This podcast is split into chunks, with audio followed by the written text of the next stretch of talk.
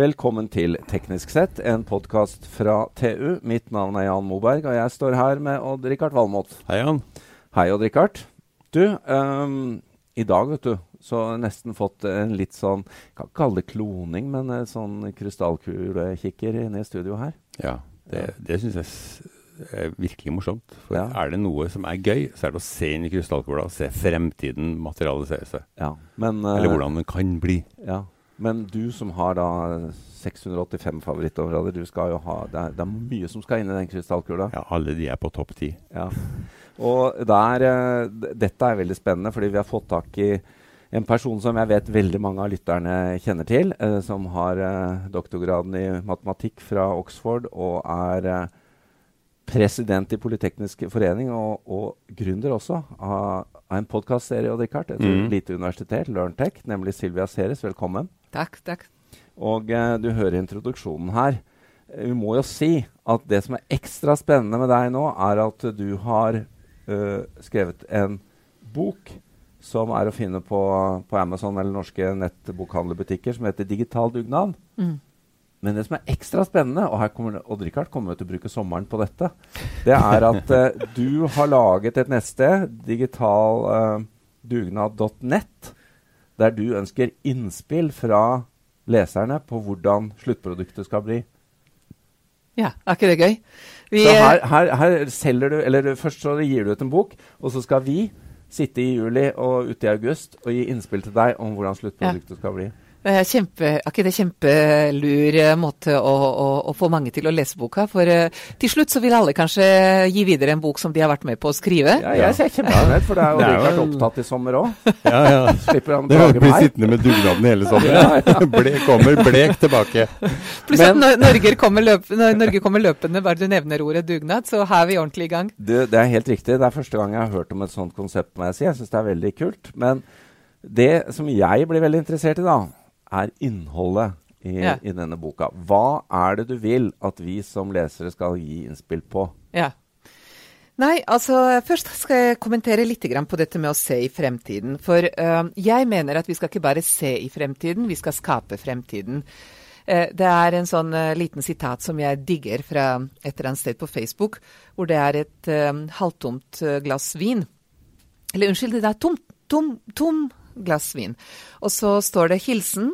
eh, mens eh, teknologioptimisten og teknologipessimisten og teknologirealisten kranglet om vinglasset, så har jeg drukket den opp. Hilsen teknologipragmatisten. Det er, Eller altså opportunisten. Det, altså, det, det er så viktig nå, tror jeg, å se de mulighetene som skapes i denne egentlig ganske revolusjonære omstillingen som samfunnet og næringslivet går, går gjennom, og mene noe om hvor vi vil, for det er den eneste måten å komme et sted vi liker. Og uh, jeg opplever vel egentlig at politikken vår henger ikke helt med. Og da snakker du rett og slett om eh, politikere på Stortinget og politiske partier? Ja. Ja. Eh, våre politikere er ekstremt gode eh, på å vise respekt for hverandre. De er veldig gode til å måtte ta posisjoner på samfunnsspørsmål som eh, vi kjenner godt. Men nå kommer vi inn i et samfunn som ingen av oss kjenner. Det er faktisk eh, et samfunn vi må skape. Men det kommer til å være noen nye konfliktlinjer. Og disse konfliktlinjene tenker jeg at vi må eh, forstå, og vi må, vi må kjenne oss selv igjen i de nye posisjonene. Det, det kommer til å være et helt annerledes arbeidsliv. Enten vi liker digitalisering eller ikke. ikke? Så Da er det litt viktig å, å si at jeg Ikke bare si jeg er imot det, og dette liker jeg ikke, ikke sant? og dette tror jeg ikke noe på. Det er omtrent like effektivt som å være imot klimaendring. Ikke sant? Men heller si hva gjør vi med dette? Men det høres ut som du, vi trenger en kraftig etterutdanning av norske politikere. De graver seg jo fort ned i bompenger og alle sånne ting som ikke bringer samfunnet videre. Ja, det, det mener jeg. Og jeg tror egentlig at de også uh, måte, de, de trenger å få litt rom da, for å ta den etterutdanningen på alt det nye som kommer. Fordi de blir jo spist opp av eh, politikken som føres i daglige medier. Og eh, nå er det korona og alt mulig annet. Ja. ikke sant? Så vi, vi, jeg tenker at vi må gi dem rommet til å ta noen langsiktige posisjoner. For om et år begynner det å bli sent. Så det er liksom Men jeg skjønner da, Silvia, at dette, tanken om denne digitale dugnaden som du har lagt ut på, kommer også delvis av at du har fått henvendelser fra politiske partier om å se på programmene deres. Og Ja. den nye tiden. Hva skal, eh, hva skal til for å Ja, altså mene noe om den? Digitalisering står jo et eller annet sted i alle, alle utvalgsresultater, ja. i alle partiprogrammer. Men veldig ofte så står det sånn at vi må ha mer digitalisering, og vi må ha mer utdanning, og så må vi ha mer velferd. Eh, men eh, det er jo ikke politikk, det er vi enige om alle sammen. Så hvordan skal vi angripe digitalisering på en måte som passer med det partiets verdisett, da? Ja. Og der har jeg prøvd å lese meg litt opp på partiprogrammer, og sånn som de ser ut hittil, da. For nå sitter de og skriver partiprogrammer, og det er utrolig spennende. Men sant, de er strukturert etter arbeidspolitikk, næringspolitikk, klimapolitikk, utdanningspolitikk eh, osv. ikke? Og der føler jeg at vi snakker om de gamle temaene, og så endrer vi noe på prosenter, og sånn bearbeider vi statsbudsjettet og Ja. osv. Vi kjører inn i en fremtid som er grunnleggende annerledes, basert på tall fra fortiden. Og jeg tenker det å frigjøre oss litt fra det, og så forstå de nye scenarioene, og så prøve å, å forstå hvordan er partiene forskjellige på fremtidig arbeidspolitikk. Ikke sant? Det er ikke bare arbeid til alle, eller mer arbeid, eller Altså, hva, hva er de nye konfliktlinjene, er det jeg prøver å utforske i denne Ja, boka. Men her trenger du jo både vilje til å åpne blikket og ta imot endring, og du trenger eh, kunnskap. Ja. Det er to. Men sånn jeg har skjønt det nå har jo, Jeg må innrømme jeg har ikke, jeg har ikke lastet ned denne boka. Det skal jeg gjøre. Um, men du har, eh, du har egentlig uh, beskrevet seks konfliktlinjer for å konkretisere Ja. Utfordringen. Ja. Kan du gå gjennom de seks? Ja. Eh, om jeg husker dem i riktig rekkefølge, mer eller mindre. Men det er eh, Altså, alle snakker om at data er den nye oljen. Men dette innebærer igjen Altså, data som ressurs bærer i seg ganske mange eh, utfordringer og muligheter. Ja. Ikke sant? Hvilke data? Hvordan sørger vi for at vi i Norge eh, klarer å tjene noe på den ressursen? Eh, eh, balansen mellom personalisering og personvern. Det er egentlig bare to sider av samme medalje. ikke sant? Alle vil ha mer personlige tjenester og persontilpasset helse, alt det der. Og alle vil ha mer personvern. Men sånn er det ikke. ikke sant? Du må finne ut hva er det du gir opp for å få noe mer. Ja. Og imens så står store internasjonale giganter og tjener penger på dataene våre. Og mens vi skal tenke oss om og være kanskje konservative til vi har lært eh, akkurat hvordan vi gjør det, så driver de store teknologigiganter, både fra Silicon Valley og Seattle, men også Kina, og samler data eh, så remmene bærer eller ikke.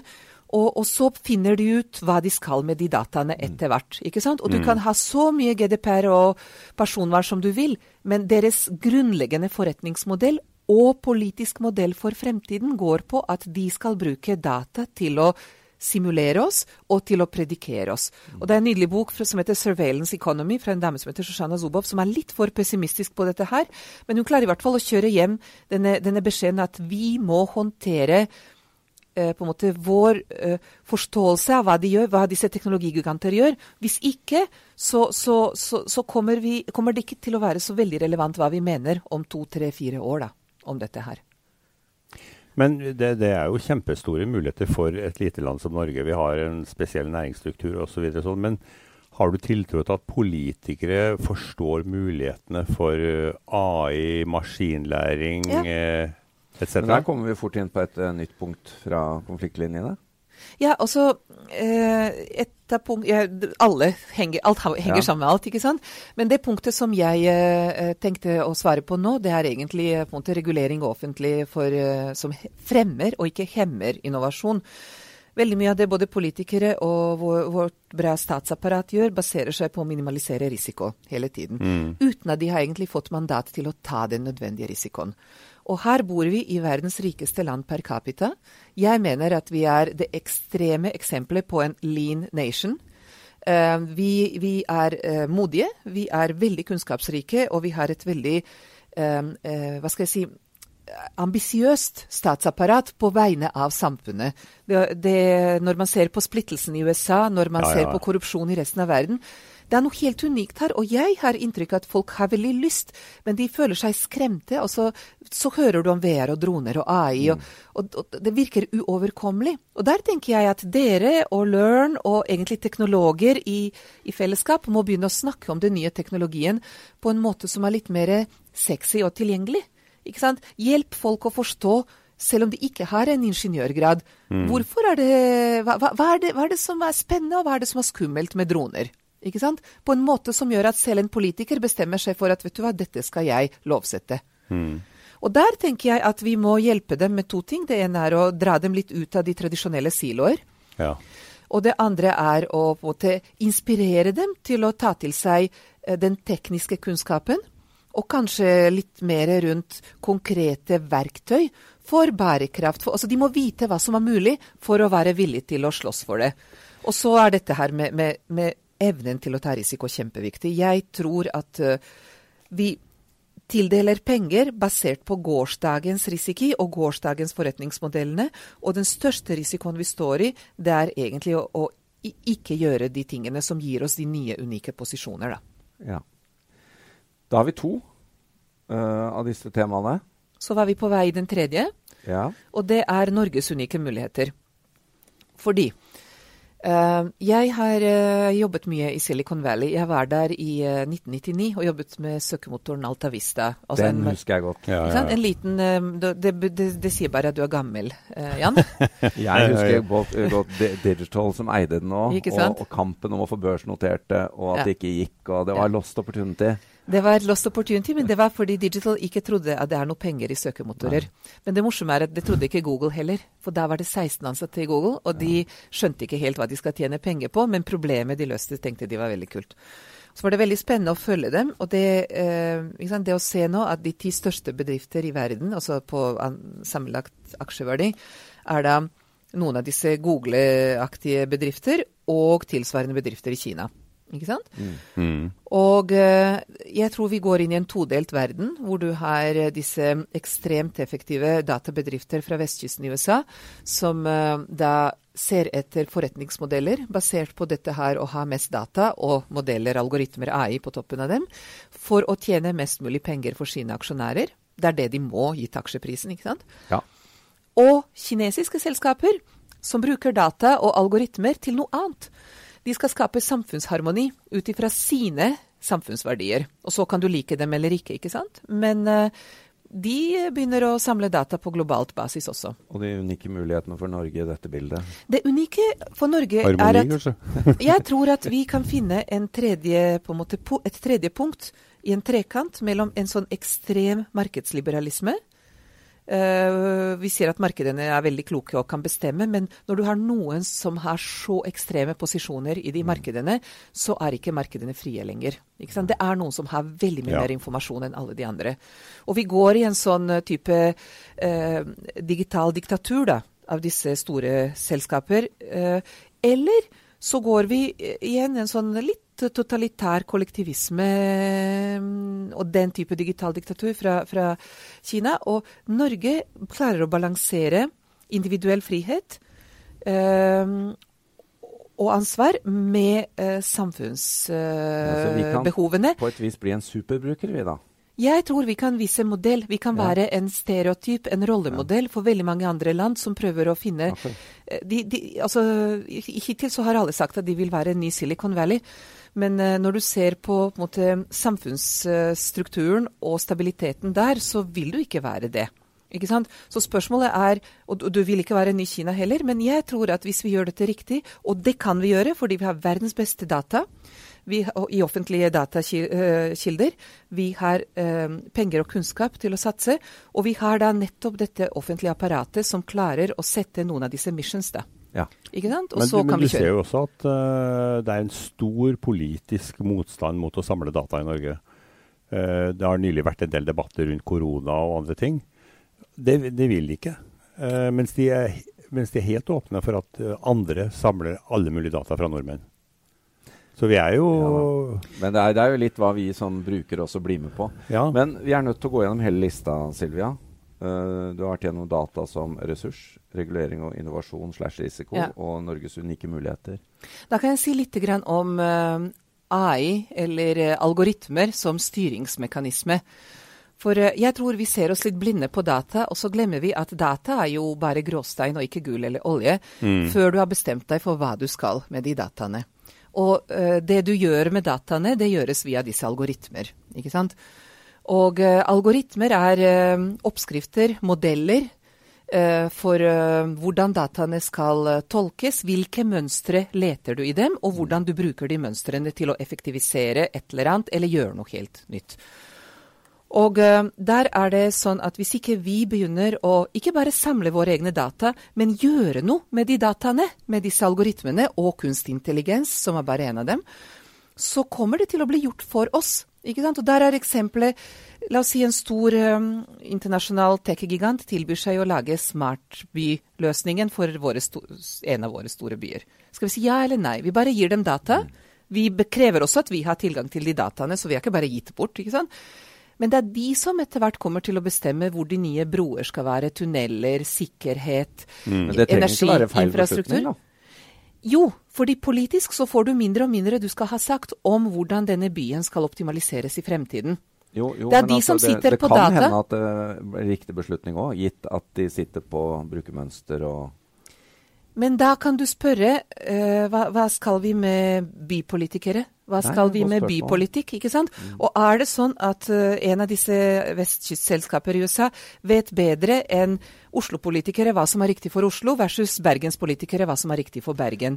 For det blir fort sånn at disse store datagiganter optimaliserer etter det de mener er dette viktigst. Dette ser vi jo godt på eksempler som Uber og andre, som jo bare legger ut på en reise som de vet er supereffektiv, og glemme reguleringen og lokale forhold. og jeg mener at vi må bruke noe regulering effektivt mm. til å både eh, på en måte, mm. vi, må, vi må spille ball med disse selskaper, vi klarer oss ikke uten dem, men vi må bestemme hvor vi skal da. Men nå venter jo lytteren på hva de skal gi innspill til deg på i krystallkula. Du har fortsatt uh, punkt fem og seks igjen. Vi må få høre resten. Ja. Livslang læring og de nye jobbene, eller det nye arbeidslivet. Mm. Veldig kort fortalt, de uh, jobbene vi skal ha i fremtiden, det er de jobbene vi skaper, ikke de vi beskytter. Vi vet det kommer til å være kjempemange jobber i omsorgsyrkene. Vi lever uh, lenger og lenger, og kanskje altfor lenge snart. Eh, men, men, selv der er det behov for å bruke verktøy på nye måter. Mm. Det er roboter, det er uh, kunstig intelligens osv. Så, videre. så jeg tror at de nye jobbene det er hybrider av gamle jobber med nye verktøy. Og da må vi lære opp alle, også de som er over 25 år og ikke er digital natives, ikke sant? på hvordan de skal jobbe i det nye arbeidslivet. For jeg syns vi har vært for lite ambisiøse på vegne av voksne folk. Og vi sier at sant, vi skal bare ha nye hoder, og så kan de gamle gå hjem og ja. få noe borgerlønn. Og det blir ikke et godt samfunn. Så det siste punktet, livslang læring, dreier seg om hvordan får vi med oss hele landet på en læringsdugnad, og det blir en tredeling da mellom det offentlige, næringslivet og individene. Men jeg tror vi må, vi må tenke en ny utdanning på nye måter. Det må være lett, det må være gøy, det må være billig, det må være gjennomførbart. Og Richard, du, hva, I sommer så skal du bare lese denne boka, så sitte og komme med innspill. Jeg skal komme med innspill. Jeg skal, og så kanskje jeg trenger litt opplæring, jeg òg. Jeg ser ikke bort fra det. Ja, så Det er lagt opp til at eh, det er i hvert fall uh, noe synsing fra Silvia på, på, på disse temaene. Og så er det noen spørsmål som det hadde vært veldig spennende å, å få snakket med folk om.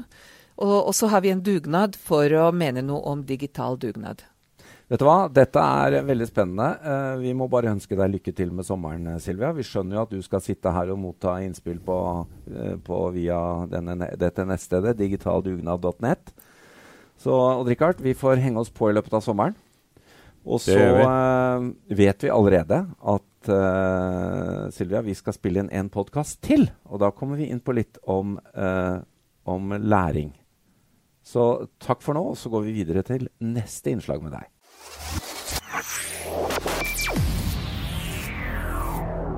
you